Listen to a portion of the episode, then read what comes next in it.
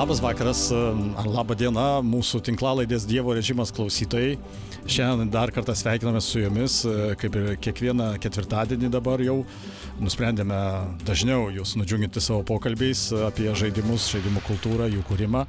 Ir šiandien pasirinkome tokią gan įdomią temą, na, nežinau, kam įdomi, kam galbūt nelabai, bet joje, kaip suprantu, galima bus gan giliai nerti ir daug narstyti. Tai yra toks kodinis pavadinimas turbūt geriausi ar kas daro mums geriausiais tam protagonistus, žaidimų pagrindinius herojus ar, ar pagrindinius veikėjus ar protagonistus, čia va šitą kaip tik ir išsiaiškinsim su Dievo režimo svečiais, kurių šiandien turime m, tris be manęs, tai yra e, Artūras Rumencevas, sveikas Artūrai. Sveiki. E, tada Gediminas Tarasevičius. Sveiki. Sveikas Gediminai. Ir Simonas Vitkūnas. Labas, Sveiki. labas. Tai va. Tai ko gero galbūt reikėtų, ir aš Andrius Jovaiša, jūsų vedėjas, ir pradėsim galbūt kaip dauguma diskusijų, kur susirenka bent keli filosofai, jos dažniausiai prasideda nuo pirmojo klausimo, kuris vadinasi, gal išsiaiškinkime dėl savokų, dažniausiai prabėgus dviem valandoms diskusijos, tik šitas klausimas ir būna paliestas, dažniausiai net neišspręstas iki galo. Tai šiandien galbūt ir norėtųsi pradėti nuo to, kuo skiriasi pagrindinės, mes dažniausiai, na bent jau aš save pagaunu, kad taip nevalyvai naudoju šitos terminus vieną per kitą. Protagonistas, pagrindinis herojus, pagrindinis tai yra žaidėjas ar veikėjas ir, ir herojus. Nors realiai jie turėtų kažkiek skirtis. Kas vat jums yra protagonistas? Protagonistas turėtų būti, bent jau man, tai yra tas, tas pagrindinis herojus, kuris, už kurį aš žaidžiu, bet man atrodo, kad aš turėčiau jį dar ir matyti kažkaip trečiojų asmenių, tai reiškia, kad aš turėčiau atskirti tarp jo. Nes kitaip tu esi protagonistas Taip, žaidimo taip, ir taip, tada taip. mes tiesiog aptarinėjame vienas kitą šitoje laidoje, kuris jo. geresnis esam protagonistas. Nu jo, tiksliai, jo. Tai čia turbūt tada, tai Gordonas Freemanas, kas turėtų būti tada pagrindinis veikėjas? Nu, aš, tai, aš tai iš viso nežinau, ar... Na, aišku, čia laida mūsų taip vadinasi, mes dabar nebegalim sakyti nebe protagonistai, bet man rodos ta savoka šiek tiek tokia yra klaidinanti, jinai atėjus iš, iš, iš Literatūros. iš kino Mm. studijų, kur, nu, kaip nepastatysi tas pro, kažkoks centrinė figūra, nu, turi būti, na, aišku, gal ten galima kažkokį meninį art house daryti be, bet tai turi būti, o žaidimuose yra šiek tiek gal kita situacija iš to, kad tu gali statyti žaidimą, kur, na, tas pagrindinis veikėjas yra tas, kuris sėdi prie, priešais ekraną, o, Mm. ne, o ne jame egzistuoja. Tai, tai čia reikėtų turbūt naują terminą išrasti, jeigu jau pradėsim apibrėžinėti taip griežtai. Jo, šiaip čia šitas. Aha. Taip, taip, vartoju. Tai va, aš tą patį galvoju, kad kai pirmą kartą pasakėt, kokia bus tema žaidimo, aš tada dar pasakiau, kad taigi aš esu protagonistas, ką jūs norite apie tai daugiau kalbėti. Ne, ne, tu, tu čia turėjai meta levelį, kad tu esi mūsų Dievo režimo protagonistas. Ne, aš neturėjau minėti to, bet tu čia man jį pirklijuot.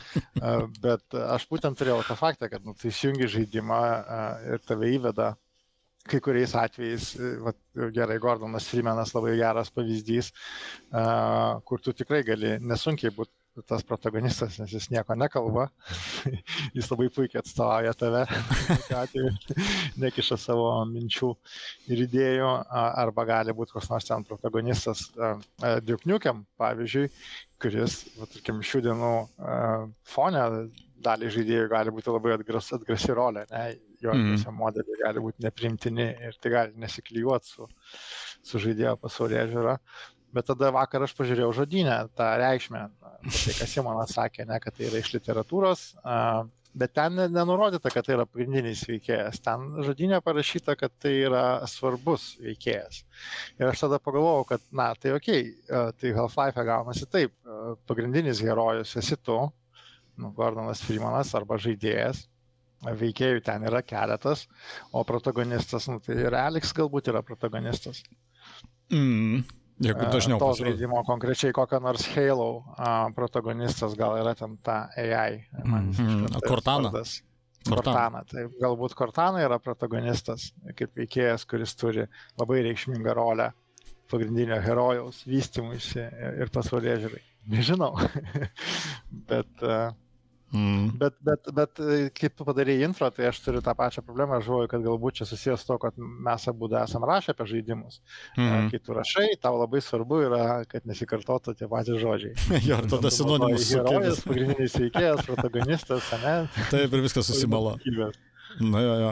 O iš bendrai įman, pavyzdžiui, e, kokie, vat, nežinau, aišku, čia kvailas turbūt bandymas stumti jūs į kampą ir atsakyti, kuris variantas yra geriau. Ar va tas aspektas, kai tu tarsi žaidžiu lėlėmis ir aš, man iškart kažkaip su vizualika yra susiję, kad realiai jeigu yra jau trečio asmens, jau, pavyzdžiui, Commander Shepard, jau man, aš, aš rinkausi ne vyrą, o moterį, nes man tai yra kaip jau čia tarsi ne aš, aš iš dalies aš, bet ne iš dalies ir ne aš. Ir tada jinai jau tampa man protagonistė tam tikrą prasme. Jeigu aš esu, nu nežinau, kaip Dumgai, tai tada jo, galbūt tada protagonisto nėra.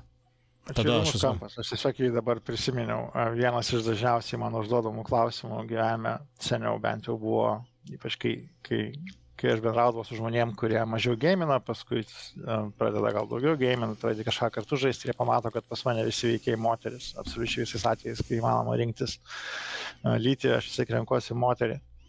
Ir manęs klausdavo, kodėl.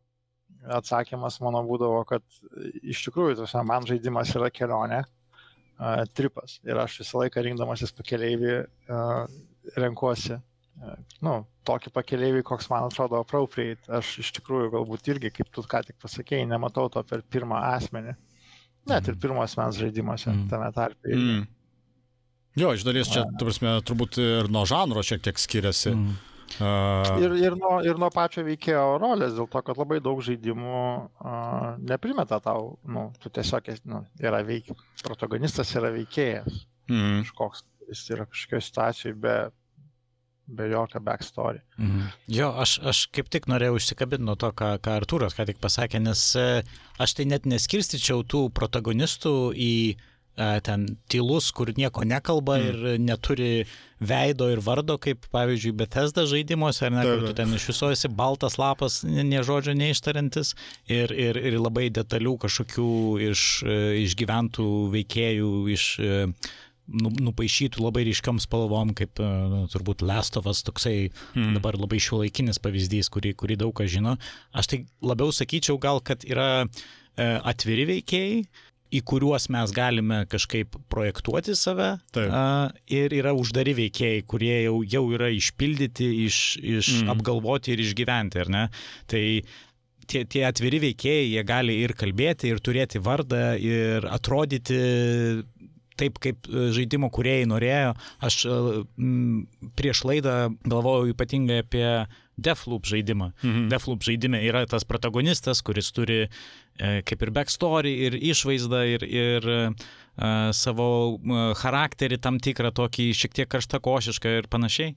A, Bet iš esmės viso žaidimo metu žaidėjas gali į tą veikėją įdėti ką tik tai jis nori, nes tas veikėjas turi ir amneziją, jis ne, neatsimena, kas jisai toksai buvo, ir e, viskas, ką tu darai žaidime, tai yra, na, niekas tau nepasako, ar tu ten sėlinsi, ar tu ten visus pjausi, ar tu ten kelsi visišką chaosą žaidime, tu, tu irgi prie, prie žaidimo mechanikos prieini taip, kaip tu nori, mm. netgi pačiam žaidimo gale, kai jau tu gauni ten tą Čia, gal spoilerių labai, labai daug ne, ne, nepasakosiu, bet kai tu gauni kažkokį esminį pasirinkimą, ką žodžiu tas veikėjas išmoko, tai žaidimas pakelia rankas ir sako, nu, tai, tai kaip baigėsi šitą istoriją. Ir, ir ne, netgi, netgi to kažkokio galutinio sprendimo ne, ne, nepriima. Tai uh, man turbūt, kai tu klausi, kas yra geriau ar mum kas labiau patinka, mm. aš manau, kad tie protagonistai labai priklauso nuo to, uh, koks yra pats žaidimas, ar ne?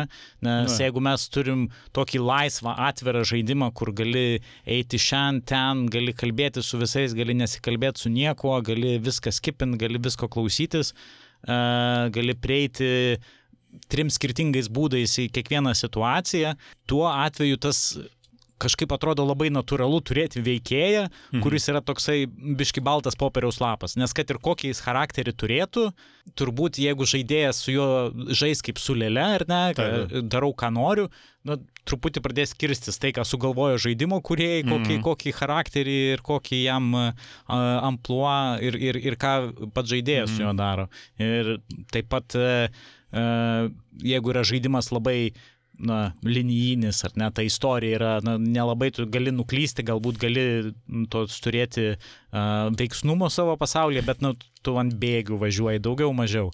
Tai to, tais atvejais tai tie veikėjai dažniausiai būna uh, na, daug pilnesni mm. vidinių kažkokių pasaulių ir savo kažkokių emocijų ir minčių, o žaidėjas jau tada jau toks labiau kaip žiūrovas mm. tampa. Tai man rodos, čia nuo žaidimo priklauso. Aišku, čia mano tokia teorija, gal turbūt atsiras koks nors pavyzdys, kuris, kuris ją paneigs. Ne, nes čia iškart jo, Joelis iš The Last of Us atrodo kaip on rails, e, na, būtent personažas, kuris savotiškai jis turi asmenybę, ir, ir tu pernelik nelabai gali ką ir turbūt jam padaryti.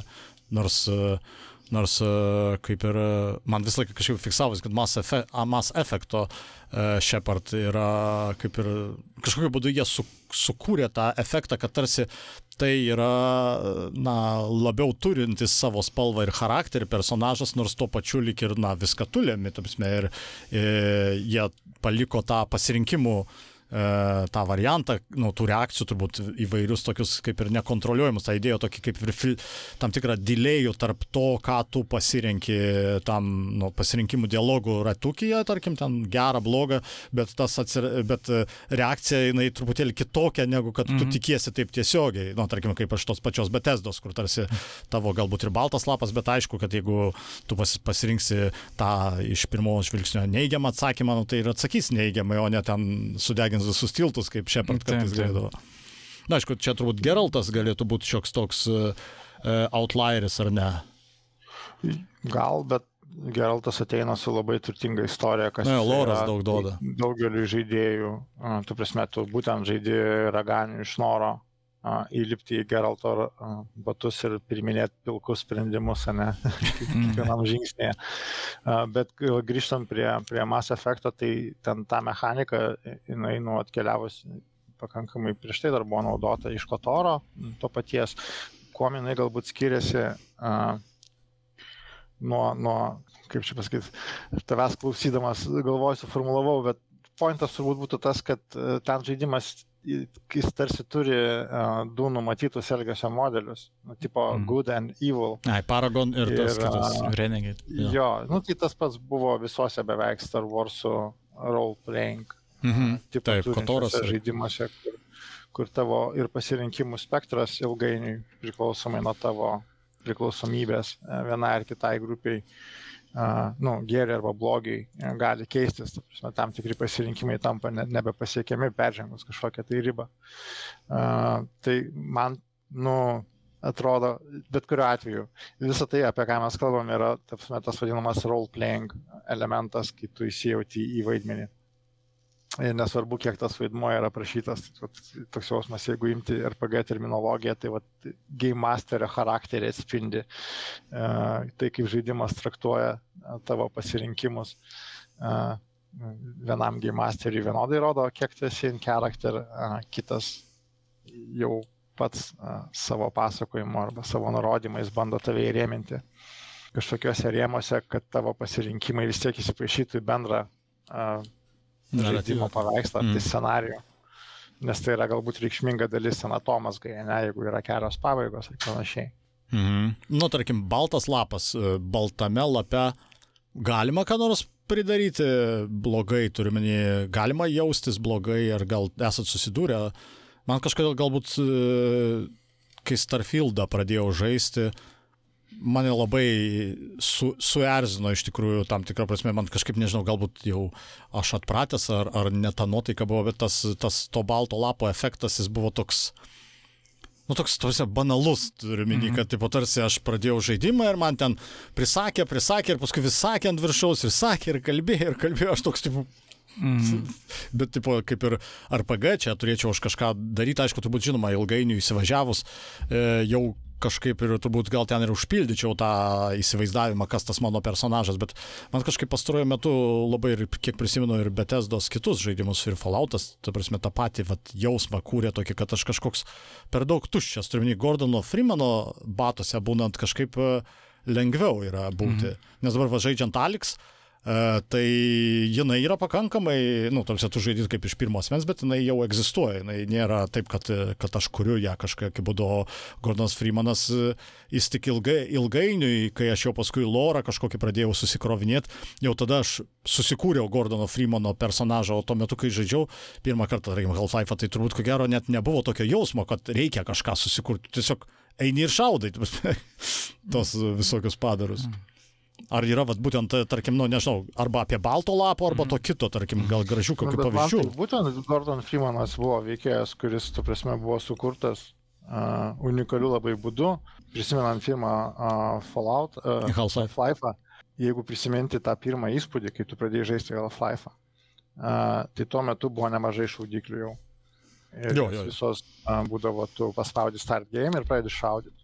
Jo, jo, čia daug vaikščio. Tai... Ir tada, ir tada išėjo žaidimas, kur tu važiuoji traukiniu valandą, eini į ofisą, sveikinasi su kolegom, pradedi tam tą tyrimą, jau mhm. pradedi galvoti, kad čia apšė net ne šūteris, taip, taip. o kažkoks kitas žaidimas. Ir, ir, tada, ir tada prasideda veiksmas. Ir, ir, ir gauni lauštuvą. Žaidimo sudėtingumo, ne, žaidimo sudėtingumo lygis, jo galvosakių lygmo, kokie ten buvo inkorporuoti, jie labai kažkaip sujungia tave į tą, kad, na taip, at mokslininkas šitus iššūkius išspręstų. Aš toks pats pratingas kaip mokslininkas, aš labai gerai dėl to jaučiuosi. Ir jau paskui sekančiose žaidimuose tą rolę buvo lengva priimti, netgi tuose, kaip sakyt, spin-offuose, moduose, ten buvo kas Blue. Blue kažko, aš jo, jo. Kur tu buvai kategorijai tų žmonių, kurie atvyko naikinti katastrofos padarinius, tai tu jau per prizmę pereito Half-Life atsimeni, kad jie buvo, nu, jie šaudė visus nesirinkdami taikinių ir buvo negailestingi ir tu pats pradedi žaisti tam tokiam labiau vaidmenį, e, netaupai šovinių, visas pusės šaudai. Tai man atrodo, kad tik užkodavo, galbūt dėl to Gordonas Freemanas ir yra toksai įsimintinas veikėjas, nes kaip veikėja tai jo nėra. Bet visiems jisai yra įsimintinas ir kultinis e, e, personažas bet būtent gal dėl to, kad žaidimas per žaismą ir per savo išskirtinius kampus, ypač kai jie buvo, kokio išskirtinumo lygmens jie buvo tada, kai tu juos žaidėjai originaliai pirmą kartą, mm. uh, įkodavo tau tą paveikslą. Kiekvieno galvoj kažkom skiriasi, kažkoks kitoks yra, bet bet viskas susiveda į Gordoną Freemaną kaip mylimą veikėją. O gal jūs atsimenat, kada, nes aš Gordoną Freemaną, kaip pasako, tai aš iškart matau, na, žmogus su akiniais, su barzda, tipo tokio. Aš neturiu jokių jausmų Gordoną Freemaną. Ta prasme. Neturiu jokių jausmų jau. aš manau. Nežinojau, kada čia įvaryta traktorių prospektą, bet dabar galiu įvaryti. Tai e, visų pirma, aš manau, kad vedėjas visada yra protagonistas. Tai, o kalbant apie, e, apie protagonistą kaip savoką, tai man atrodo, kad ne nuo žaidimo priklauso ir ne nuo balto arba tuš, ar tuščio ar pilno lapo, iš esmės nuo žaidėjo priklauso. Žaidėjas iš tikrųjų viduje jaučia, e, kuriame žaidime vienas ar kitas personažas, kurį jis valdė ar kurio buvo, yra protagonistas. Nes šiaip imant netgi pagal kelis pavyzdžius, kur tu turi visiškai laisvą, laisvę susidėlioti savo personažą, tie, kur tu turi personažus, kurie jau pastatyti į tam tikrą į tam tikrą ar labai ribotą tą pradinį tašką ir vystimasi, tai rezultate vis tiek viską nulėmė, kiek tavo moralinis etikos kompasas ir kiek tavo šešėlis vaibina su tuo, ką tu žaidi ir kiek tu gali realizuoti tiek savo etiką, moralę, tiek savo galbūt šešėlį. Tai tos, vat, Artūro tą visą psichologinę sofą apie per, moteriškus personažus, kiek vat, tu tai irgi e, gali, gali tame realizuoti ir tada tu sukuri tą ryšį tarp savęs ir personažo. Jeigu tu su personažu nevaibini, tai tada tu, e, jisai yra herojus tikriausiai, mm. E, kuris tiesiog vat, atlieka kažką tai ir tu tada jau mm. žaidimą patiri kaip kaip kažkokią, kažkokią istoriją, kuri jau yra. Ir dažniausiai tokie žaidimai nu, būna na, naratyviniai. Nors būna, aišku, ir tikriausiai balto lapo RPG, su kuriais tu gali tiesiog iš, iš pat pradžių nevaibinti mm. ir tu tada jų nežaidi, bet tai viskas mhm. susiveda į tai, kad arba tos sistemos nėra tobulai, arba nėra toks tikslas. Galbūt tikslas yra, kad tu atrastum kitus personažus, kitus herojus, kurie mhm. yra žaidime ir tu juos stebėtum kaip, kaip stebėtojas, bet tu turi tą kūnišką virtualų presence žaidimo pasaulį. Mm. Nes aš vat, pats asmeniškai galvoju apie, apie personažus, tai man vat, šitas yra, ar tu tiesiog vat, tu nuo kažkurios tai valandos arba nuo dešimčių valandų, kai tu jau supranti, kad tu jau nebematai skirtumo tarp savęs ir personažo, mm. tai yra tu visiškai projektuoji savo vidinę būseną ir savo pasirinkimą tu per tą personažą transliuoji mm. į pasaulį ir kur tiesiog neturi. Pavyzdžiui, pavyzdžiui gali žaisti strategiją kokią nors, kurio nėra, nu, tą patį gali Civilization, arba aš vat, žaidžiau labai keli savaitgalius Old World, kur ten turi kind of kažkokius tai valstybės vadovus, bet tai ištirpsta, ta prasme, dinastija, tam, tu tampi dinastija ir mm. tu realiai, tai yra paveikslėliai, bet tu jau operuoji, e, kaip sakant, projektuoji savo vidinį mąstymą į tą žaidimo pasaulį, tada sukuri ryšį ir atrodo, kad, nu, taip, tu buvai tas protagonistas ir galbūt žaidime net nebuvo tokios galimybės. Tik. Mm. Bet kartu tai gali būti ir su J.C. Denton iš Dievo sekso, kuris mm. ganėtinai yra, nuo pat pradžio yra labai pastatytas į rėmus ir tik tada atsiskleidžia. Ir kai jūs kalbėjote apie Mass Effecto variantą, tai vėlgi, man atrodo, tai, ko jie pasiekė, gebėdami ganėtinai plačiai auditorijai, tipo, pas, pasisavinti tą personažą ir su juo susitapatinti, tai yra vat, tos Renegade Paragon ribos, kurios nėra žaidime, nėra labai plačios, nes vis tiek ten, kaip Artūras sakė, tunnel shooteris yra ir ten nieko mandro tame nėra, bet, bet tos mažos ribos jas leidžia padaryti tos mažus pasukiojimus, kur tu vat, per, mhm. per dešimt kažkokių tai įvykių tu turi vieną, kuriame tu tikrai uh, implantavai save į tą personažą mm. ir to galiausiai užtenka ir per visą tą istoriją susikupė ir jau ten trilogijos pabaigoje. Tai tu jau kaip ir mm. Šepardas. Jo, čia gali būti, kad iš tikrųjų mes ryšamės prie literatūrų ir kine e, gimusių terminų, o realiai žaidimų srityje e, tas, e, tas terminas turėtų būti dar kitoks, nežinau, ten ar main character ar kažkoks kitas, bet, bet turiu minį, kad... Realiai... Character. Prašau playable character. jo, nu arba kažkas tokio, kad, kad, e, kad realiai, nes va, ką tu gedai dabar šnekėjai, tai tarsi, kad tas nu, interaktyvumas, ko gero, ir suteikia tą papildomą kokybinį sluoksnį, kuris sukuria kitokį ryšį, negu kad tu knygoje jį turi, negu kad kine tu jį turi. Ir aš dar pridėsiu, kad kine tas įmanoma labiau nei žaidimuose, bet žaidimuose, kai tu implantuoji save, eigoje personažas, kuris gali būti išrašytas ir kuris turi jau charakteristikas apibrieštas, jisai implantuoja tam tikrus dalykus į tave, tai reiškia įvyk, įvyksta toks apsikeitimas tam tikras. Mm. Ir, ir kine, man atrodo, tas yra esminis varomasis e, varikliukas, kur tu priemi ir dėl to kai kuriem kino žiūrovam jie arba serialų žiūrovam jie ten turi mėgstamiausią personažą kažkokį veikėją kažkokį tai arba uh, yra filmas, kuriame vieno veikėjo gyvenimas, bet man patinka šitas labiausiai, nes jisai labiausiai atitinka mane arba aš labiausiai ten su jo, su jo vaibinu. Tai, tai vad žaidimas yra tas toks abipusis apsikeitimas, mm. kine yra galbūt jis toks vienpusis. Ir... Bet vienpusiškumas čia sukuria tos, kaip turbūt dabar socialinėse tinkluose, tai yra vadinamieji parasocialiniai, parasocialiniai ryšiai, kai, kai realiai, na, tu vos ne tobulai pažįsti kažkokį influencerį ar blogerį ar ten kažkokį, nežinau, komiką. Podcasterį. Jo, podcasterį, jo, teisingai. O, o realiai tas žmogus ir norisi prieiti prie gatvėje, prie jo ir sakyti, po sveikas, kaip ten tas anas, bet realiai tai jisai sakytų, kas tu toks? Mm, vienpusis ryšys. Jo, vienpusis ryšys. Ir, ir turbūt kinas sukuria tą, va, tas vienpusiškumas ryšio, sukuria tą, turbūt gal jo, iš tikrųjų netgi sakyčiau, jo, čia kiekybiškai stipresnį ryšį, kad tu jo prisiriši prie kokio nors personažo serialuose ypač būdinga yra tai, kad, e, nu, va, tiesiog tu negali, toks simpatiškas tas e, žmogus e, yra. Ir, mm. Man tai... Bet aš dabar dar pagalvojau, kad čia dar vienas iš, iš, iš svarbių dėsnių yra vat, būtent kaip žmogus vartoja mediją, grubiai išnekant iš stebėtojo ir teisėjo perspektyvos. Mm ar iš empatiškos perspektyvos. Nes, pavyzdžiui, man absoliučiai visa medija ir aš su tuo ten jau vaikystėje turėjau nemažai problemų, tarkim, ten skaitydamas knygas ir aš galėdavau labai giliai įlysti į, skaitydamas šioje knygai, įlysti labai giliai į rolę protagonistą tos knygos, kad, kad suprasti jo motivacijas ir, ir, ir prasme, galbūt net, nu, ne tiek transliuoti save, kiek, kiek pabandyti išsimuliuoti savo galvoj savo elgseną, kaip aš elgčiausi vienoje ar kitoje situacijoje.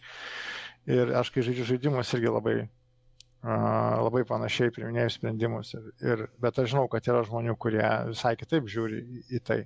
Ten, tarkim, aš ir dabar, va, tarkim, competitive lygmenių žaidžiant kokį nors Heroes of the Storm, aš kaip pasirenku veikėją, kadangi aš turiu jų lorą, netgi tam siauram keturių skillų spektre, aš vis tiek bandau žaisti in character. Mm. Vis, vis, nu, ir man pagal tai netgi herojaus sukūrimo kokybė, aš tai vertinu, ant kiek kokybiškai pertiktas yra suvastomi herojus iš StarCraft'o ar iš Warcraft'o, kiek jo tie keturi skilai atspindi jo charakterį. Visas... Jeigu ultis neatspindi, tai tada jo nenaudoji. Nu, nebūtinai ultis, ta prasme, ten uh, yra, yra daug niuansų uh, ir, ir su paprastais skilais, ir cooldownų laikai, ir, ir, ir visa kita, ta prasme, kur tu esi fronto linijoje, grubiai išnekant, ne, mm. labiau vienišas veikėjas ar tu labiau komandai. Man labiausiai patinka tie hots veikėjai, kurie iš tikrųjų yra žiauriai charakterio kokia nors sandyva, super arogantiška gamerė, jinai taip žaidžiasi ir, ir pačiam žaidimė, labai klikinį dėl to, na, nereikia galvoti, ką daryti, tiesiog įsijauti į mm. dyvą ir varai, mm. padedi save į šalį. Ir vat, man su žaidimais yra tas, aš kai atsisėdu žaisti, aš atsijungiu, aš padedu save į šalį, grubiai išnekant, vis tiek bandau šokti tą pasaulį ir, ir, ir į tą tema, viena iš priežasčių, kodėl aš vis rečiau renkuosi a, a, moterišką veikėją, nes kuo daugiau pažįsti pasaulio, tuo labiau supranti, kad tas pasirinkimas yra šiau. Nu, ta prasme, mm. kažkada tai jisai buvo labai seksualizuotas, princip. Mm. A, a, ir, ir dabar daugelį žaidimų jisai toksai yra ir likęs, nu, tai, tai yra tiesiog lytis, tipo, vyras ar moteris. Tai yra, yra grupė žaidėjų ir aš tikrai turiu nemažai draugų, kurie nežaidė daug single player žaidimų, kurie neturi lyties pasirinkimo ir pagrindinis veikėjas yra moteris. Nu, jie nežaidžia kategoriškai. Tiesiog, ne, nežaisiu, aš nebūsiu boba, sako, va, viską žinai. Ir tarsi nors skolą tai šį ant galvos. Antra vertus, nu, aš pats kaip žiūriu dabar, ypač čia po Assassin's Creed, man atrodo, Odyssey, kur tai buvo neblogai išpildyta, kad jeigu aplinkinis pasaulis į tavo pasirinkimą žaisti už moterišką veikėją nebereaguoja, anksčiau tu galbūt to neieškoji tiesiog žaidimas, bet dabar a, nereaguoja pagal istorinį kontekstą ir pagal viską a, aplinkos reakcija yra nerealistiška, tai griūna ta imersija. Mm -hmm, jo. Kaip Assassin's Creed, kur, kur vyras, moteris ir viskas taip pat, tik tai, kad vyras, moteris. Tai taip, tai jūs apie Odisei kalba, man tai ir Valhalla tada. Ai, taip, taip, taip, taip. Jo, bet Odisei, Odisei mano požiūriu turėjo, bet tai galbūt ten tematiškai irgi šiek tiek tiko tas pasaulis, tikinės mm. Graikijos. Odisei turėjo tą jau juntamą skirtumą ir tarp, tarp, tarp vyro ir moters Valhalla nepasakysiu. Ir aš irgi žaidžiau už moterišką veikėją, bet jo. vėlgi, ta prasme, ten tu gali vidurį žaisti. ateina iš serialo Vikingai iš visur, ne, kur ta visa vikingų bendruomenė pateikta tau kaip, kaip kaip tas žodis, kurio aš dabar ieškau, racionali, ne? Mm. O jeigu tu esi efektyvus, tai vienodai rodo ten tavo mm. kilmė, lytis, rasė, viskas. Jeigu tu esi efektyvus, tu esi vertingas bendruomenės narys taškas. Mm. Tai tie dalykai padeda įsijaustas tas background žinios. Ne, bet, pavyzdžiui, Valhalai, tai man atrodo, netgi tu šiaip bet kuriuo momentu gali pasikeisti lytį. Mm kas irgi čia turbūt įdomus klausimas yra apie pačio protagonisto ki kitimą, bet Bet. bet, bet e, kurio momentu man tiesiog. bet, aš dabar norėčiau gal šiek tiek tokį e, palengvinti visą pokalbį, nes man atrodo, aš pradėjau klausyti savo balso skambėse. Ta, va, pavyzdžiui, a, a, pakalbėkime apie protagonistus ne žmonės. Mhm. Kokį nors smagų pavyzdį, nes man tai čia, kai aš rašiausi laidą, tai man turbūt labiausiai, kaip protagonistas atėjo į galvą, e, tas katamari damas kažkokių daiktų, kurie sulipo į tave e, darinys, kuris ridenas ir toliau lipina visus daiktus. Bet čia... tu, tu painėjasi dėl to, kad katamari damas esi toks mažiukas šudukas, kuris... Ai, arba, negi aš sumaišiau. Arba tas karalius, kuris flešina visą laiką. Bet aš žinau, kad aš žaidžiau už kažką besiridenančio. Aš labai senai tą dariau. Ne, tai tiesiog gal tu nematai savęs, nes tu mažiukas. Ai, supratau, taip, taip. Ir aš paskui aplipau viskuo. Nu, jis toksai žalės, toks keistas ateivis. Bet yra ten kažkas, kas ridenasi, ar man čia prisisapnavo? Tai viskas ten ridenasi. Ten viskas ridenasi. tu prasme, tu... Visi ten ant ratų ir ridenasi. tu turi kamoliuką, tu irgi prie jo limpa mažesni už jį daiktai. Taip, taip, taip, taip. Taip, taip, labai, labai gerai, aš buvau jau kažkaip. Man atrodo, būtent Azijos šalis, Azijos japonų, kurie tikriausiai, net aš irgi prisimenu tokį jungle, tokį žaidimą, kur tu esi šitas špicas. Ir turi, esi šuo špicas ir turi išgyventi postapokaliptiniam tokiui, kovodamas, daugindamasis ir, ir kovodamas už savo teritorijas. Čia iš tikrųjų ar? Iš, ti- tu gali pasižiūrėti Gimon žurnalo archyvą ir ten Aha. yra mano apžvalga apie tokį Geras. jungle. Super. Čia turbūt strei, jeigu nepaminėsiu, A, tai man katinas, taip, kažkas, taip. kažkas nubaus mane. Čia wink wink mūsų e, ne, nedalyvaujančiai bendrautoriai. jo, strei tikrai už Katiną buvo tikrai smagu žaisti ir jis netrodė nei baltas lapas, nei jis atrodė pernelyg mm. perpieštas, jis, jis pakankamai buvo individualus, nu, nes Katinams tai pridara. Ir tuo pačiu, ką žinau, buvo smagu būti, ta prasme, jo, bu, nebuvo nei baltas lapas, nei lėlė tam tikrą prasme. Mm. Goat Simulator. O, jo, jo, va, būtent aš. Na, arba Va, va, va, tas su žasinu un, žaidimas. Untitled Goose Game, Untitled tiksliai Goose ten, Game. kur žasi žaidė. Vat, vat, vat žaidimas, kuris su manim nuo pirmos minutės, aš jį pamačiau parodoj kažką kitą žaidžiant e, ir tiesiog atsistojau už nugaro žmogui nuo pirmos minutės su manim visiškai klikino, nes žaidėjo charakteris buvo žasiniškas ir čia jau buvo nu, toksai įkyrus. Um, pranksteris, kuris vaikšto ir žnaibo visus atiminėja daiktus vogia. Kaip tu įsivaizduoji žasiną? Nu, Bet, bet jeigu tu viduryje, viduryje, viduje turi, nu, jeigu tu vat, visuomenėje esi gerbiamas žmogus, bet viduje tu turi tą norą vat, pagyventi tokį gyvenimą, tai toks žaidimas labai gerai, nes tu tampi toks trolių žasino pavydalu, kuris Mm. mm. daro prenkus ir, ir leidžia išgyventi tą Mm. vat, fantaziją, kur Mm. Na, arba dar Flower, aš atsimenu, tas labai gražus buvo žaidimas, kur tu žaidži, kaip nežinau, už vėją, galbūt galima būtų sakyti. Bet patirtis čia gal nei kad žaidimas, nežinau. Taip. Aš dar prisiminiau tokį labai keistą pavyzdį iš Devolver kolekcijos. E, Buvo toksai žaidimas, kuris turbūt buvo... Taip, taip, tu žinai, ką aš pasakysiu. Genital Jousting žaidimas, kuris buvo sukurtas labiau dėl to, kad labai geras pokštas turbūt yra sakyt, kad tu tokį žaidimą sukūrė ir tie gifai gerai ten marketingė parsiduoda, bet tai buvo žaidimas, kur tu nežinau, protagonistas yra tiesiog vyriška genitalija. Ir, Bet jisai buvo pakankamai su, su istorija, ten mm. genitalė ten turėjo santykius su kitais, ten turėjo darbą, ten kažkas atsitinka blogo, ten tau liūdna ir duše verki, nu, tu prasme, ten, ten buvo emocijų, bet, bet nelabai ne, ne nelabai Bet žmogiška. jousting buvo tas, tas Jo, nu, buvo, tipo, buvo. O taip.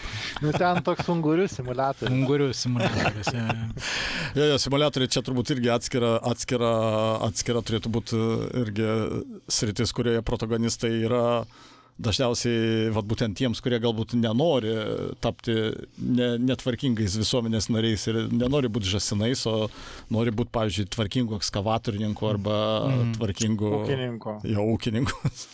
Atveš traktorių į miesto centrą, pavyzdžiui. Aš tai gal dabar išpirksiu savo kaltę, nes nutempiau pokalbį į tokias e, nelabai e, padarės temas. Tai tiesiog, e, kai mes čia vardinam tuos visus pavyzdžius, man rodos labai sverta paminėti svarbę savybę, kurią mano nuomonė turėtų turėti protagonistas, kurį tu su kuriuo tu vaibini, kaip, kaip Gediminas sakė, arba, arba tas netgi baltas lapas, kad jisai būtų, nežinau, priimtinas tau į, į, į- įdėti save į, į, į tą patį žaidimą. Tai mano nuomonė tai yra numeris vienas, tai yra motivacija.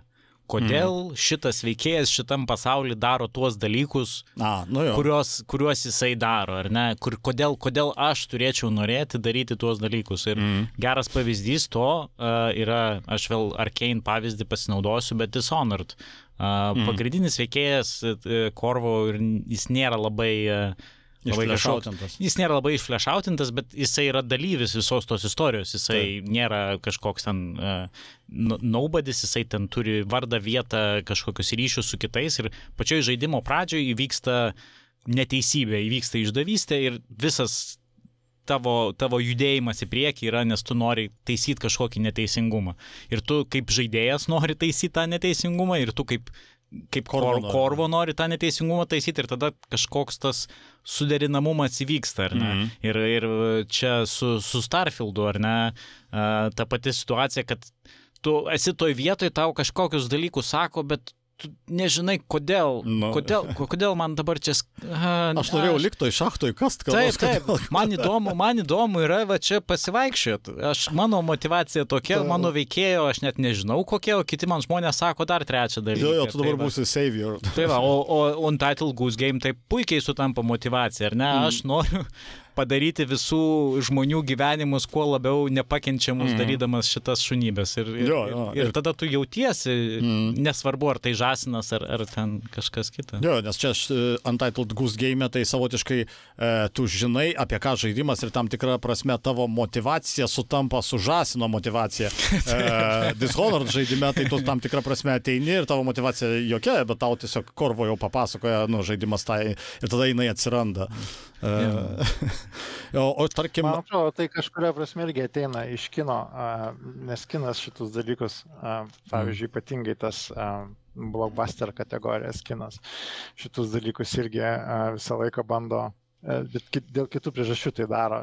Man tai pirmą kartą tikrai kilo, nu, taip toptelėjo ryškiai, aš paskui netgi kažkur apie tai rašiau, tai Rembo žiūrint, remake, rebootą, nežinau Mm. kaip pavadinti, kur filmo pradžiai, blog, nu, ta prasme, visi žino, kad a, protagonistas, kuris šiaip turėtų būti geras, a, eigoje viso įvykio žudys žmonės Mm. stipriai ir galbūt netgi su pasimėgavimu kartais. A, ir, ir, bet, na, žiūrovai tai nėra būtinai priimtina, todėl, ta prasme, kad žiūrovai būtų priimtina, ką Stalonė dabar darys su visais tais žmonėmis. Tai tie žmonės pirmą ateina į kaimą ir šakiam ten išbado šimtą kūdikių stambių planų prieš ekraną. Tu pradedi jų visų nekest ir tada tu gauni tą reliefą per Stalonės veiksmus. A, tau visiškai nekyla kažkokių tai ten vidinių emocinių priešinų, kad ten peiliai, peiliais galvas a, raško Nu. visiems išėlės. Tai, nu, man atrodo, tas pats, ta prasme, nu, užkodavimas a, kažkoks tai, ne, tai, tai va žaidimuose tą irgi daro prieš istoriją ir, ir Mhm. kaip taisyklė tada dauguma veikėjų iš tikrųjų turi arba amneziją, arba išdavystę. Net, kuri- kuri net yra žaidimai, kurie vadinasi amnezija. Bet tai gal istoriškai čia ne Kurie nuo tau padeda rasti vidinę motivaciją ir Nu. galbūt šiek tiek padeda įsijausti tą vaidmenį. Nu, bet žiūrėk, dūmė, e, dūmė, kad aš norėčiau demonus e, e, plėšyti į gabalus, tai nereikia man jokios motivacijos tam tikrą prasme. Čia kaip ir su Untitled Goose Game, ta prasme, e, prasideda žaidimas ir man reikia mažiausio preteksto, kad aš juos pradėčiau šaudyti. Mhm. Bet jeigu tavo būstą ateitų demonai. Tu, Taip, taip, taip. lygiai taip pat įsijungtum, kad turi naikinti. Tai man atrodo, Nu, jo, šiaip, jo, kalba. Jo, jo. Bet istoriškai viskas vis tiek nuo antikos prasidėjo, tai aš kaip supratau ir protagonistas atsirado senovės graikų Mm. dramoje, ar, ar, ar gal dramos, jo, Teatre, tai- nuo komedijos Jo, jo, į tragediją. Aš jau Homeras ten gal anksčiau yra dar negu, negu teatras. Visi yra tie kiti atsirado personažai, Mm. trigonistai ar kaip ten jie vadinasi, trečio plano vaidmenys. Jo, jo, nes šiaip aišku, graikų mitologija tai visur labai Bet persipina. kartu ir kultūriškai ar, ar, ar kaip antropologiškai žiūrint, e, tas nuolat, nu, nuolat tokiom pokalbį, tokiuose pokalbėse, tokiuose temose ta iškylanti herojus kelionės arka ir kitos universalios istorijos, tai kad ir įmant tą patį Dishonor, tai ten taip e, kalba tokia visiškai suprantama, žmogiška užtaisas yra visiškai toks kaip ir Rembo Artūras, kur ką tik Mm. minėjo, irgi tas užtaisas yra labai lengvai suprantamas, jisai Mm. labai pateikia aišku pasaulio padalinimą į, į, į gerį ir blogį ir tai labai lengva žmogui suprasti ir labai lengva onboardinti, bet kai Starfield'e tau pasako, eik tu pakask šachtą, tai hmm,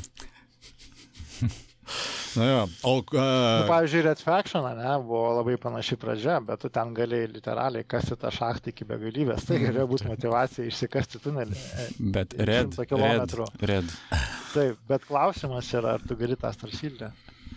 jo, Tu gali o, Starfield'e išsikasti tunelį 100 km gylio. Negali. Nu va.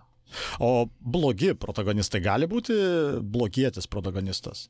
Aš kažkaip vis Tai galvoju, man... antagonistai vadinasi, ne? Ne, ne, Antagonistai. ne, Mafija, ne, pavyzdžiui. antagonistas dažniausiai yra tas prie, personažas, kuris yra okei. priešininkas tau, o, o protagonistas, kuris yra nu, nelabai geras. Aš tikrai spec, spec Ops The Line, man atrodo. Kas veikėjai. BGTA. Taip, taip. A, jo, e, jo. Jo, tu gali tarsi būti blogu, bet galėtum ten turbūt ir prasėlinti visą tą... ne, tai va ten vat ir yra tai, ką Gediminas labiau kalbėjo, kaip tu pradedi transliuoti save Mm. arba kur tu ieškai E, va dėl to man galbūt tas GTA 5 buvo labai keistas kažkuria prasme, nes uh, nu, ten kai kurie veikiai sunkiai sutapatinus su tavim. Man, man už Trevorą žaisti buvo sunku, aš turėjau persilaužti. Mm. Savočiai, paskui jau persilaužiau, tai jau labai patiko. tai buvo ilgas procesas. Čia realybė taip su kriminaliniais dalykais buvo. Man, žinau, Silverhandas. Iš Cyberpunko Silverhandas. A, okei. Okay. Aš bet nežaidęs. Tai... Tuo pačiu gal ir herojus jis toks, antiherojus mm. iš tikrųjų, bet, nes, na, nu, aš neman, nu, man kaip ir nemanau, kad šitam žaidime protagonistas yra V kaip. Mm. Mm. Jo, jis toksai daugiau kaip statistas. Mm. Kamera tiesiog. Na, va tas e, Artojo mėgstamas e, naudot pavyzdys ir, ir mano šiaip iš tikrųjų vienas atmintyje iš labiausiai užstrigusių, tas Spec Ops The Line, man atrodo, vadinasi, ar ne, mhm. šitas. Tai ten iš tiesų tu uh, E, aš jau net neatsimenu kai kurių tų scenų, bet aš kai čia ruošiausi irgi skaičiau, kad iš tikrųjų tu ten turi keliose vietose tokius pasirinkimus, kuriuos tu galėtum daryti arba nedaryti, bet tu dažniausiai pasirenki juos daryti. Turiu minį, ten liktai yra scena, kur, kur tavo draugus ten nulinčiuoja minę ir tu paskui tiesiog ją iššaudai, bet nors realiai žaidimas, kaip suprantu, leistų tau ir nueiti neiššaudžius jų. Nes tai ten daug, buvo, daug buvo ten su tokiom pilkom moraliniam uh, dilemom jo. žaidžiant. Man tas žaidimas, šiaip aš jį dažnai miniu ir jis man įsiminė labiau per kitą prizmę. Ta prasme, kad tai buvo vienas tų retų žaidimų, kur tu nesimėgau į karu. Mm. Dažniausiai kariniai žaidimai jie yra pastatyti ant to, kad tu esi ten herojus ir, ir, tu esi šustresnis už visus kitus. Mm. Ir, ir taip toliau, e, išskyrus galbūt vieną kitą Medal of, Medal of Honor, sakau, vieną kitą Call of Duty epizodą, keistesnį, arba vat, Spec Ops The Line, kaip, kaip visa visuma, a, jinai yra apie karo absurdą, principė, ir tai yra žaidimas, kuris tą pagauna. Mm. Bet iš esmės karo, karo filmai ar karo žaidimai, jie vis tiek tokiam tam primityviam lygmenį, tai jie vis tiek naudoja tą pačią uh, greitą blogio, greitą blogio ir gėrio atskirimą ir tada kai kurie žaidimai kaip Spekops, jie dar pastumė tave toliau ir parodo, kad dar yra tame pilka zona. Tai prasme, mhm. kaip ir su karo filmais, mhm. tikriausiai irgi yra vieni, kurie yra Rembo, kuris techniškai yra tikriausiai karo filmas. Lokalaus labai. ir yra visokie eiliniai Ryanai, e, kurie vėlgi bando kažkiek tą pilką zoną. Nors... Apokalips, apokalips now. Mm. Jeigu apokalips Lions lygint, nes jie vieną, nu, kaip sakyt, ten niekas neslėpia per daug, kad apokalips now stipriai pasitarnavo. Vakarų fronte nieko naujo. Taip, o dabar, mm. vat, teisingai naujas pastatymas, vakarų fronte nieko naujo irgi vat, turi tą, tą tokį. Jisai, ką aš turiu galvoj, kad esmės parodo karo absurdiškumą per tą prizmę, kad uh, jisai išmuša tą pasirinkimą iš rankų. Tu suvoki, savo galvoj e, savo situaciją ir, ir, ir galbūt tu turi vidinę stiprią motivaciją ir drivą elgtis kitaip, bet tu negali. Ir, ir čia galbūt jau mes išeinam iš šitos temos, bet, bet šiek tiek, bet labai įdomus momentas, kad va, tokiu atveju filmas turi laisvę, kaip sakant, išeiti, ta prasme, išeiti iš kontrolės, parodyti visišką kontrolės nebuvimą, nes, nu, tai yra personažai ekrane ir tu mm. su jais darai, ką nori. Žaidimuose prarasti kontrolę visą laiką yra tokia, nu, nu kaip ir nuodėmė, jeigu žaidėjas praranda kontrolę personažo. Taip, įsijungia, kad scena ir veikėjas jau daro ten, ką jis mm. nori, o ne tu. Mhm. Tada tu prarandi ryšį tarsi kaip su tuo personažu. Ir, ir man atrodo, va, protagonisto bildinime tie va, sekvensai, jie gali tam tikrais mhm. atvejais išmušti, ypač kai tai yra situacijos, kur tai yra predefined arba iš anksto numatytas epizodas ir personažas, kurį tu ką tik valdėjai, jisai priemė sprendimą be tavęs ir tada mm. pf, gali mm. viskas, visas build-upas sugriūti. Mano požiūriu, tai labai, bent jau man asmeniškai, tai labai stipriai atsiskleidė būtent Dalastovas antram. Ir God of War, man atrodo, biškai buvo to. E, ne, aš turiu galvoj, kad, kaip sakiau, mes žaisdamas vat būtent galbūt tam, kad gauti maksimalų pasitenkinimą iš proceso, aš vis dėlto bandau įeiti į rolę, ne, ir aš žaidžiu už Elę arba už Ebį, kadangi aš turiu jų prieš istorijas kažkokių tai faktų ir žinių, nu, kurios atskleidžia žaidimo eigoje, aš bandau racionalizuoti, na, Ebį pasielgia kažkaip tai kvailai, mano požiūriu, bet aš bandau racionalizuoti, kokie jos gyvenimo istorijos elementai galėjo lemti, arba charakterio bruožai, arba patirtos nuoskaudos galėjo lemti būtent tokį jos pasirinkimą šito arba kitoje situacijoje, man tai imersijos negreuna. Aš galbūt galiu pasakyti žaidimą ant pauzės, ten išeiti į balkoną per trukėlę, padaryti, pamastyti apie tai, bet aš vis tiek grįžtu atgal ir, ir, ir man viskas ok. Bet būtent paskutinė akistata, Alien Abbey, pačioje pačioje žaidimo pabaigoje vat, buvo tas momentas, kur prasme, vat, tas kontrolės praradimas buvo tai, ką, ką, ką Gediminas sako, nes uh, aš nesugebėjau racionalizuoti elgesio. Kad ir kiek aš tai prasukinėjau savo galvoj, žinai, man atrodė, kad čia yra tas momentas susitaikymo. Tu prasme, yra tas momentas, kai būdų veikiai pakankamai žino apie vienas kitos skausmą ir turėtų būti padėtas kažkoks tai taškas visai šitai, nežinau, agresijai ir neapykantai. Uh, bet ten buvo nu, stiprus noras išsilieti, ne, vieną iš veikėjų ir taip, tai prieštar, nu, priešginė buvo visai mano esybė, man tai buvo labai sunkus, aš du kartus jau perėjau žaidimą, abu kartus aš nekenčiau tą momentą. Aš norėjau, kad ten būtų opcija tebūnė su žaidimo pralaimėjimu. Ta vadinamoji Katino Leopoldo opcija. Jo. Gyvenkime draugiškai. ne, ne, ne, nu, tai tebūnė ta prasme tada opcija a, tiesiog, kad žaidimas judėtų toliau ir neverstų manęs smūgiuoti. Ypač turint omeny, kad žaidimai yra turi... Yra momentai, kai tu turi atlikti smūgius, tu nenori to daryti. Tiesiog tebūnė, tegul baigėsi taip. Nes matai, nei Ebi, nei Eli nėra protagonistės, tu esi protagonistas. nu, va, buvo tas trumpas momentas, kai tai. Bet, bet žaidimai, va, tas yra, kad jie turi prabangą tą daryti ir tikriausiai jie turėtų, na, tas angliškas žodis embrace it.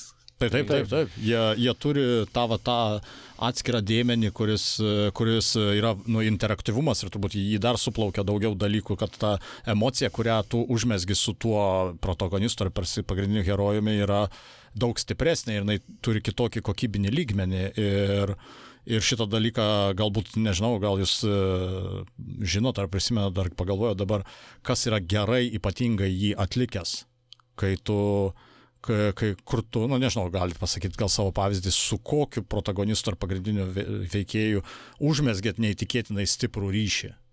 Nors nežinau, kas ateina į galvą. Man bent jau turbūt gal Geraltas buvo kaip toks. Gal Solid Snake'as, nežinau, Solid ar nesolid, iš Phantom Paino irgi, kur tu prasme tiesiog, na, aišku, ne, Solid Snake'as gal nelabai tinkamas pavyzdys, nes ten viskas yra out of space, motivacijos ypatingai. Ne, ten, ten gal aš tai gal labiau netgi, ir galbūt net žaidimas labiau stumė susitapatyti su Reidenu. Nu, jo. Tam daly. Um, ir mes visi buvom jaunesni, ir Reidenas buvo jaunesnis, ir, ir ten aplinkui jo nu, ten ypač drama tai labiau aplinkui jį buvo negu aplinkui Snake. Mm. Na arba gerai, arba galima gal pa, pagalvoti apie kokį nors labai blogą protagonistą, kuris, tarkim, yra labiau ne baltas lapas, o, o kuris, va, būtent, e, nes Joelis tam tikrą prasme jis elgesi kartais, nu, ar ten ne tik Joelis e, Last of Us, jie elgesi biški savarankiškai, nes jis yra parašytas on Rails ir, ir gal kartais gali nesutapti visos emocijos su juo, bet gali būti blogai parašytas e, panašus personažas. Ar mes tokių blogų žaidimų nežaidžiam? ne, aš nežinau, kad liečia kas liečia, prasme, aš turbūt galėčiau sugalvoti e, kritinių požiūrių e, blogai parašytų kažkokių tai protagonistų. Bet kad man asmeniškai būtų užstrigę, tai ne, iš tokių geriau parašytų, tai vis tiek man turbūt labiau įsimena tie, kur kažkokio tai veikėjo, nežinau, kažkokio charakterio atrakinimas.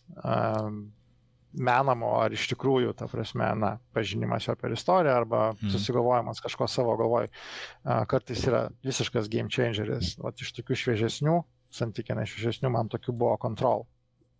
Žaidimas, kurį aš bandžiau žaisti kelis kartus ir aš jį vis numesdavau. Dėl to, kad aš nepagaudavau jo būtent pačio žaismo kaip, kaip jį reiktų žaisti, kad jisai būtų smagus, malonus, netrikdytų, nebūtų weird visas jo valdymas, visos jo mechanikos. Nes tematiškai ir visai, visapusiškai kitaip aš jį norėjau žaisti, bet vat, atsisėdu, įsijungiu ir nelimpa. Kol aš nepradėjau prasme, po kažkokios tai scenos įsijausti į tą, vat, kad tą, tą kontrol veikėją, tokia kaip labiau kaip Banshee, Banshee Queen, net, prasme, kaip, kaip uh, kažkuria prasme gal iš Silvanos Warcraft atėjo kažkokie tai momentai suvokimas savo galių, kas kas transformavosi į patį žaismą.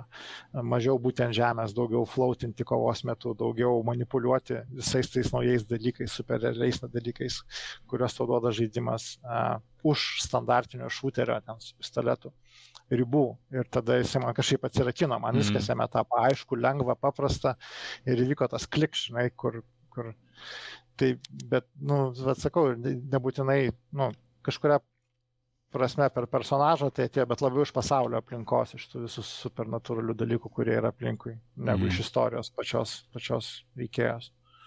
Mm. O Nežinau, šiaip tai yra tokia, ką žaidimams sunku yra padaryti su, su pagrindiniais veikėjais, yra atskleisti kažką uh, gilesnio apie juos. Nu, Mm. ne, tai nėra universalu, bet nu, dažnai tai būna, tai labai dažnai žaidimai nueina į, nu, nes knygose mes galim vidinį dialogą kažkokį turėti, kurio niekas neturi, filmuose mes galim leisti savo prabangą turėti sceną, kur, kur, nežinau, mūsų veikėjas važiuoja, žiūri pro autobuso langą, masto kažkokie vaizdiniai. Žaidimuose tai sunku daryti, nes, nu, kad scena 30 sekundžių, jeigu nieko nevyksta, jau pradeda. Jau, jau, jau, manau, dauguma žaidėjų skipins, o jeigu unskippable, tai iš viso nu, tragedija. Nuodėmė. O, tai dėl to žaidimai dažnai turi daug visokių keistų būdų, gal ne tai, kad keistų, ne, ne, ne, nėra keisti, bet gal kitom šakom netiek įprastų būdų. Pavyzdžiui, daug yra voiceoverio žaidimuose, mm. kur kine tas voiceoveris tokia Jo, jau jau čia yra yra toks klišė ir senovinė technika jau kažkaip jau stilistiškai nebent ant pataikai. Tai nežinau, man tai, kai tu pradėjai kalbėti, aš Max Payne labai prisiminiau. Aha. Nes pas jį buvo tas nuolatinis tos voiceoveris, kuris ten skundžiasi, kaip viskas, nu, toksai nu- nuariškas, gal Taip, detektyvo, toksai, e, tokia melancholija, tokia, toksai Mhm. kaip ir fatalizmas ir, Taip, taip. ir, ir vis tiek tas judėjimas į priekį. Tai, tai man gal, gal tas veikėjas tuo metu ypatingai uh, tie pi- pirmieji Max Payne, jie turėjo tokį ažiotažą sukėlę dėl to bullet time, aišku, Mm. bet, bet ir kaip veikėjas jisai buvo toksai Neįprastas tiems. laikams. neįprastas tiems laikams ir jisai turėjo tą vidinį pasaulį. Gerai, tas vidinis pasaulis gal nebuvo kažkoks jau toksai labai, labai įdomus ir, ir dau- daugias spalvis, bet na, tą vieną spalvą jisai turėjo ir jis ją gerai nudažė. Jo, čia yra Alan Vaikas, dabar antrasis atneša. Aš atsimenu, aš atėjau į redakciją ir kai e, nu, į darbą ir, ir kažkas tai iš vakaro pažaidė Max Payne, nes jisai buvo ten, ar tai Game Exe diskė buvo demo ar kažkas, tai kad va, tas pirmas santykis įvyko su žaidimu. Uh, ir, ir žmogus norėjo, man turbūt norėjo papasakoti apie bullet time, nes žaismo prasme tai visiškai buvo stoga raunantis dalykas, bet jis pradėjo nuo to, tai, tai tipo gėjimas yra, kur čiuvelis tipo žudo kitus ir paskui eilės deklamuoja. ir tipo ką? bet tai man jisai taip ir užsifiksavo, atminty, tas toksai refleksija į ką, kas tik tai nutiko tokiam Mm. O žaidimai poe- poetiniam. be protagonistų būna, nu, tarkim, jo, civ, civilizacijos serija ar visi strateginiai gali būti, gali laikyti, kad jie neturi protagonisto, bet tam tikrą prasme yra jisai ten tarsi tu esi. Pridedi visokių Iš viso, aišku, gandžių. Nesąmoningas klausimas, nes negali būti protagonistas vis tiek Kažką reikia dėti ant viršelio žaidimą. Jisai yra visuomenės sąmonė, žinai, vertybių ir vertybių kažkoks tai jo rinkinys, prasme, kuris dažnai yra šiek tiek civilizacija priduoda toną, kaip tu ją žaisi per tavo Mm. veikėjo ir pačios pasirinktos civilizacijos statistinius vienetus tam tikrą. Na, tarkim, tu uh, už tam tikras tautas žaisdamas turi žaisti labiau grobikišką žaidimą negu ten Mhm. ekonominį arba mokslinį, dėl to, kad kitokiu atveju tu savo pranašumų neišpildai. Taip, nu, pavyzdžiui, aš tai žaidžiu in character visą laiką, bet vėlgi, man atrodo, kad ten labai daug uždeda istorinės žinios šitoje vietoje. Pasme, ką tu žinai apie realią personą. Mm. O Aš tai manau, kad tikrai gali būti žaidimas be protagonistų. Tetris, mm. Counter Strike'as. Nu jo, šiaip, ne, bet vis tiek tada tu, vis, tu pats esi tada protagonistas, nes, nu jo, teatrija tarsi tiek kubelius dėlioja, bet vis tiek tada galiausiai eini, eini atgal ir atsiriami į savo smegenis, ko gero, ir jos yra, tipo, nu, aš sėdžiu prieš ekraną ir aš esu dabar čia pagrindinis kaip ir. Na, bet mes ir grįžtame į tą pačią pradžią, tą žodžio reikšmę. Mm. Ne, nu aš ką, ką bandžiau. Veikėjas, tai Kad jo, be pagrindinio herojus. Jo. Ne, aš ką bandžiau pasakyti, kad jeigu nėra istorijos, nėra ir protagonistų, nes protagonistas yra svarbus veikėjas istorijoje. Tai jeigu Mm. nėra tos istorijos, nu, tai nėra ir, Mm. ir, ir jo. Nors vėlgi, e, jeigu žiūrėti šio laikinius žaidimus ir jų žanrus, tai aš man atrodo netgi Discord'e tai rašiau, bet e, mhm. yra, tarkim, dabar didelis bumas survival žanro žaidimų, mhm. kurių dalis neturi nieko, tu rašai savo istoriją, tu esi negyvenamai saloje ir turi tik tai peilį, tu bandai išgyventi kuo ilgiau. Ir ta istorija, jinai, ypač jeigu žaidžia žaidimą streameris, kokiam Twitch'e, A, tai ten vystosi istorija, net tu, ten, va, jisai tikrai yra protagonistas, streameris pats, jisai yra, tu žiūrėsi kitą streamerį, ten bus kita istorija, kitas protagonistas, kiti sprendimai. Nors žaidime pačiam gali nebūti jokios istorijos. Taip, taip, bet čia jau, aš tai sakyčiau, kad čia jau yra protagonistas yra ne žaidimo, o, o tam tikro atpasakojimo, kuriame tai. dalyvauja žaidimas, ten tas let's play formatas mm. ar tas streaminimai, tai, tai be abejo aš manau, tai uh, didelę dalį ir uh, to žavesio ir, ir sudaro to, to kad, kodėl žmonės žiūri žaidimus mm. Twitch'e ar, ar, ar kitose platformose, tai kad jiems yra pasakojama istorija, dažniausiai netgi žaidimų, kurie neturi istorijas. Ne? Taip, taip, taip. Nežinau, netgi tas pats mačas labai kompetitiv šaudyklės ar, ar kažkokio kito kompetitiv žaidimo, jisai, kai yra žmogus, kuris nori laimėti arba pralošti ir jis daro kažkokius veiksmus, ten jam ir tai iškyla jisai, čia jau yra istorija, čia jau, ja.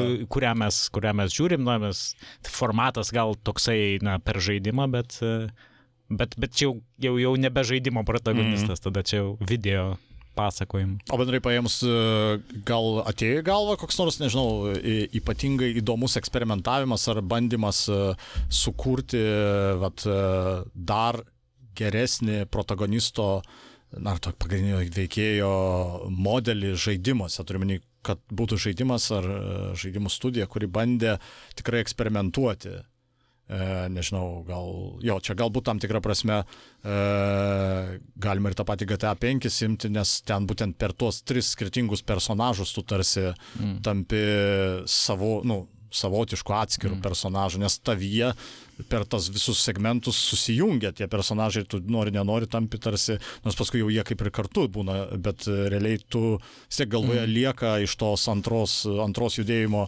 juostos, lieka kažkokie likučiai nuo kiekvieno iš šitų trijų mm, personažų. Aš, aš šiaip gal nenorėjau labai daug apie GTA kalbėti, nes buvo ką tik epizodas jo. apie Rockstarą, bet, bet ką, ką Artūras minėjo apie Trevorą, tai aš, aš manau, na, Trevoras šiaip kaip veikėjas yra labai ne, ne, negerbtinas, sakykim, taip, taip. Bet, bet iš, iš tos kūrybinės pusės, man, man atrodo, kad čia buvo labai sumanus ėjimas įdėti, tarsi, jie visi trys yra gana tokie abejotini veikėjai, jeigu palyginsi ten, tarkim, su GTA 4 personažais ar, ar, ar netgi su kai kuriais kitais, bet uh, tai, kad žaidime buvo Trevoras, uh, leido žaidėjam, nelaužant pasaulio kažkokios istorijos, daryti tai, ką labai daug žaidėjų daro single player GTA. Tai yra mm.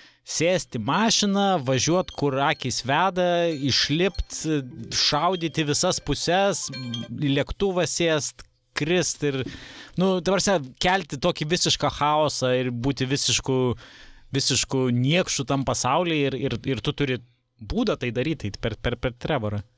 Taip, na, iš tikrųjų, man atrodo, jau mūsų laidos laikas kaip ir eina į pabaigą, girdėjom var, varpus. girdėjom varpus, tai e, tikriausiai labas rytas reikėjo pradžiai sakyti. Padėk Dieve. Bet tai buvo prognozuota, Dar valandas reikia ir jau savoką, dėl tai, savoką apsispręsim. tai ačiū šiandien mūsų laidoje dalyvavusiems e, svečiams, tai Artūrui Rumensavui, Gedimin Tarasevičiui ir Simonui Vitkūnui. E, smagu, kad mūsų klausotės, ačiū, kad klausotės, būtinai ateikite į mūsų svetainę dievorežimas.lt, ten rasite ir nuorodas į mūsų podcastą ir tuo pačiu dar keletą vis įkeliam e, mūsų komandą, vis parašo apžvalgų ir galbūt netrukus dar daugiau atsiras kokių nors e, idėjų. E, Ta pati Artoja pasiekite Substekę, jis, kaip suprantu, pradeda savo naują karjerą e, rašymo ir visai įdomių išvalgų paliko šį sekmadienį. Tai tokia mm, kaip lieta pradžia, bet man atrodo daugiau publikos jam tą pradžią biškai įsuks. E, ir bet kokiu atveju klausykitės mūsų, primenu, kad e, mūsų tinklalaidę, radio laidą kuria Lietuvos žaidimų kuriejo asociacija, kurią remia Lietuvos kultūros taryba. Tai ačiū visiems mano pašnekovams ir iki kitų susitikimų. Iki. Iki. Viso. Okay. O dabar grįžtame e, tokiam kaip ir bonus e, gabalėliui. Tuomisme, mūsų studijoje dar čia liko visi mūsų svečiai. E, gal su keiksmais galima šį kartą ar be keiksmų. Gal norit, ką nors, ko nedasakėm, kažko dar, ko nepalėtėm. Tai aš vis dar noriu suprasti, treniruojuosi. e, ar mes sutarėm dėl to, kas yra protagonistas, ar galima tą žodį naudoti žvalgose, ar jau nebe. E, galima, nežinau. Bet va tas linkas, kurį tu davėjai, kad, nu, realiai protagonistas. Labas rytas. Ok, ačiū, kad buvote. Puikiai, puikiai. Šitas laikas irgi Gedai. Good content, extra content. Jo, jo, taip, taip, tesk. Linkas. Tai apie tos žaidimus. jo, pagalvojom. protagonistą, main character e, ir hero. Tai e, ten ganėtinai taip, nu, be, be ko realiai ne, nevyktų visą tai, kas vyksta, mm Mhm. -hmm. ta prasme. Tai bet ko neturi, nu, iš esmės tikriausiai, jeigu tu statai kažką, tai žaidimą patį ir tu žaidimo pasakos istoriją, arba nepasakos istorijos, bet turėsi žaidimą paremtą sistemą, tai vis tiek tu statai aplink kažką, tai kas tau leistų sukurti žaidėjų chronologiją, nes per chronologiją supranti tą prasme. Mhm. Nes jeigu nesupranti, prasme, jeigu yra laikas, bet nėra chronologijos, tai tada reiškia, tu įkritai į, į, į psichologinį grindo liūną ir, ir tu dabar esi priklausomas nuo to, kad tu medžius kirti ar ten kažką kitą darai. Tai, tai iš tos pusės ir tikriausiai taip lengva atpjauti žaidimus. Mhm. Ir man atrodo, bet kuriu atveju tas protagonistas kažkokiam tai formate žaidimuose egzistuoja, net ir teatrija. O herojus tai, na, nu, aišku, kai yra protagonistas, man atrodo, per, per herojus istoriją yra lengviau suprasti, tai yra pasimti herojaus arką ir ant jos statyti mm. žaidimą yra labai lengva, dėl to, kad yra universaliai suprantama visiems ir labai lengva tas motivacijas sudėlioti, tau net nereikia už kadro turėti, vat, kaip ir nedishonored atveju, tiesiog, vat, tu esi bodyguardas, kaip bodyguardas, mm. Kevin, Kevinas Costneris, Whitney Houston bodyguardinį ir, ir tu sufeilinai ir dabar you have to fix it. Mhm. Ir viskas, ir tau, tau kaip ir daugiau nieko nereikia, variklis užkurtas ir tada jau tu tą žaidėją gali vesti kur nori ir gali kurti belė, be, belė kokį pasaulį, kokį tik nori, jis jau, aišku, kartais reikia papildyti kūro šiek tiek į baką, bet, bet, bet tai veikia. O O Human Fall Flat ir turi protagonistą? taip, atrodo, jo vardas Bobas, bet Man atrodo. Neoficialiais šaltiniais. ne, man atrodo, jisai pirmam žaidė, nes ten yra tokia tutorialo sistema, kur tokius magelius randi ir tiem pristato ir man atrodo, ten yra būtent iš tų, iš tų įrašų yra kalbama tokio užkadriniu balsu ir jisai kalba apie personažą, kurį tu valdai nu trečiu asmeniu, tipo kaip panašiai kaip Stanley's Par Parable. A, taip, taip, Stanlis. Ir ten, man atrodo, yra paminėtas jo vardas Bobas. A, mhm. Ir jisai... Bet jis- aišku, Jis daugiau yra toks dumgai. Jo, bet dum, bet dum, bet dum guy iš tikrųjų, nepaisant visko, kaip, kaip užkurtas, tai tu įsikūny tą dum guy, nors net esi, matai ten jį labai galbūt tik tai loading screenėm kokiam, Mm. matai, kuris ten taip šaudo į kažką tai. Bet tu labai greitai tą rolę įs- įsišauni ir dėl to man, vat, kaip buvo momentas apie karo, man atrodo, vat, tas, ta karo arba konflikto tematika, jinai labai greitai tave pastato į tą protagonisto Mhm. mm. rėmus ir ypač jeigu priešas tam Tu Aiškus. suvoki labai greitai, supranti, kad tai yra priešas, tai viskas tau jau nebereikia, tu jau ten tą benzopjūklą išsitrauksi greitai. Čia fight or flight, ta, ta turbūt reakcija jinai suveikia tokiuose, vat, būtent e, šaudyklėse. Na ir aišku, suvokimas, kad atėjai pabūti, praleisti gerai laiką. Ja. I will fix the world by breaking it. Šitoje vietoje Assassin's Creed iš tikrųjų, dabar galvoju, tai kaip serija, bendra apimtim.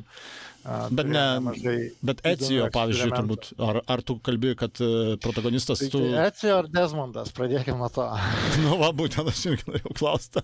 Ar, nes man labiau, e, jo, Bet turbūt. ten buvo, ne, su tuo uh, Conway, Assassin's Creed 3.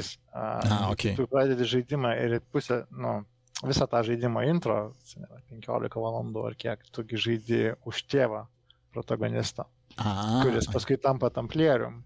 o tu tampi asasinu. Uh, irgi tokių. Tai vat man tokie eksperimentai, Assassin's Creed tokių turėjo yra, bet ir daugiau yra tokių, kur, uh, kur, kur žaidimų, kurie galbūt nebijo šiek tiek tokio uh, mindfucko padaryti, arba, nežinau, gal biošokas čia ne pats geriausias pavyzdys, bet irgi. Uh, mhm. Jo, taip, mindfuckas turbūt yra geras. Pavyzdžiui, kai, kai tu žaidži biošoką pirmą kartą, pirmą biošoką, uh, tai man atrodo, tu esi ir, ir, ir protagonistas, ir pagrindinis veikėjas. Mm. O kai žaidži antrą kartą, tik tai pagrindinis veikėjas. nu jo, jo, jo, šiaip ir, ir šiaip tas mindfuckas priverčia tą, kur aš čia gal irgi nepaklausiau, nors jau atrodė visi klausimai gan banalūs, e, bet tas ta e, kismo dinamika, prasme, nes dažniausiai mes esame įpratę, kad tu esi, žinai, kaip ir toks nobody ir paskui tampi arba galingas, arba, nežinau, herojus, išgelbėtojas ir taip toliau, bet ar yra galima, pavyzdžiui, atvirkštinė e, e, evoliucija iš, iš iš, nežinau, nu, nežinau, nobody ar neutralaus, ar gero ir tapti blogiu. Nu, kaip nežinau, ten Anakinas Skywalkeris e, mm. tap, e, e, tapo šituo, nes Skywalkeris, vienu žodžiu. Nu, tapo dar tu veideriu, tarsi tu tarsi, žinai, esi iš, idea, iš idealisto nueini į, į ciniką. Aš tokio kažkaip... Man žaidimai to, dėl to. Istoriškai, aš ne, pirmoji daly, arba The Original Part, ne, kai klausė apie personažus, man tai tiesiog J.C. Dentonas yra forever the best, mhm. ta prasme, su nieko kitu taip nevaibinu ir nežinau, ar vaibinsiu, bet, mhm. bet ten sumeta labai paprastai, tave pastato į, tu esi, vat, tu, tu, tu esi, turi kažkokių tai galių ir tu esi dabar agentas, bet tu esi kind of pradedantysis agentas ir Taip. tu gauni savo pirmas misijas ir dar turi brolį, kuris yra agentas, jisai truputį yra kietesnis už tave. Ir tada viskas vystosi iki to, kad tu ateini į tą agento rolę, kur atrodo, okay, this game will be this. Tipo, tu esi agentas ir darai misijas, yra kažkokie teroristai. Ir jeigu jie įvyksta, e, brolis pereina į kitą pusę, kurie buvo teroristai ir tada automatiškai tu ateini, tau pateikia choice, ar tu renkiesi, vat, nu, kuris aišku iliuzinis choices, ar tu rinkėsi savo e, tą, tą sistemą, kuri tave išaugino, ar tu follow the family. Taip, mm. Čia irgi yra labai toks esminis e, choices visą laiką būna, mm. uh, kinė irgi. Taip, tai taip, taip. Su, su tuo to, to groja tokiu mechanizmu, kur tu pastatai labai tokius, na, stiprius du, uh, du polius, taip, mm. ir tu tada turi rinktis. Ir, uh, ir tada visas pasaulis išsisuka taip ir tada galiausiai tampi čyzis, aišku, ir, ir ten naujas, naujas ateimas, bet turiu meni, kad labai įvyksta ta transformacija personažų, jinai labai išreikšta ir jinai turi labai aiškę startinę poziciją sumodeliuotą mm. ir, ir ta transformacija tam tikrą prasme jam kažkaip pavyko pulofinti, turint omenyje, su ten, su kokiu techu jie dirba ir visa kita, bet Bet tai vat yra, tai yra fun. Ir man atrodo, galbūt immersive simuose tas labai dažnai būna, nes tu turi ir sistemas, kurios yra nenuspėjamas, tai reiškia, kad gameplay'us bus įvairus ir žaidėjas turės labai daug įtakos, ką darys gameplay'aus metu, kokius veiksmus darys ir kaip juos kombinuos. Ir kartu tu turi tą vat, kitą sudėdamąją dalį, kuri e, sulibdo per realiai aiškiai parašyta istorija, ta prasme, ar aiškius epizodus, kuriuos tas gameplayo sesijas jungia. Ir, ir dėl to man immersive simai ir, ir patinka ir man atrodo, leng, nu, jeigu gerai padarytas ir tu minėjai uh, kitą Dishonored darbą Deathloopą, uh, kad tai yra va, tas žaidimo modelis, kuris tikriausiai padengia tas abi, abi pusės, tai reiškia, kad tu gali ateiti nestušiu, nu, su pilnu lapu, bet per, per patį žaidimo procesą tu viską gali ištrinti ir vėl iš naujo perrašyti. Mm. Taip, ar čia irgi yra tikriausiai dar toks papildomas žaidėjo įgalinimas. Mm. Šiaip Agent 47 irgi yra visai, bent jau man įdomus, nes jis yra kaip ir tuščias lapas, bet ir tuo pačiu jisai turi irgi kažkokias motivacijas ir, nu, bent jau, nežinau, pirmuose, pirmuose Hitmano žaidimuose, kur būdavo, nu, tarsi jis siekdavo kažkokio tai išsilaisvinimo iš tos e, organizacijos, kuri buvo, mm. nu, tarsi vertė žudyti, žudyti. Paskui jau tai tapo kaip ir tokiu galvosukiu žaidimu. Man asmeniškai tai buvo atitolimas nuo žaidimo. Visas tas bandymas. Vis dėlto man Hitmanas kaip žaidimas labiausiai užsifiksavo būtent to, kad o, vat yra žaidimas, kuris nebando kalbant apie patį pirmą, kažko čia spausti, jis tau siūlo šalto žudiko rolę. Mhm. kurio, kurio pagrindinė motivacija yra tiesiog ateiti atlikti užduotį nepastebėtam, bet kokiam priemonėm. Bet ten ne, nebuvo kažkokių tai ten super, nu, herojiškumų, kažkokių tai ten potekščių, pretekščių, ne, tu esi kažkokio ten eksperimento ar kažko tai subproduktas, žudimo mašina, va tavo tokia rolė. Ir paskui ten tie visi ieškomi, suartina su kitais žaidimais, tada jis tampa, bet, nu, Mhm. Na jo, tada tu tarsi kaip ir vėl. E, Tampa gerietis, eilinių kuris- žaidimų, tu tokių hitmanų iki hitmano buvo kiek nori, žinai. Tada lieka tik tai, tu prasme, ragdolas. Man tai dar vieną dalyką norėjau paminėti, tu kaip pasakėjai Stanley Parable.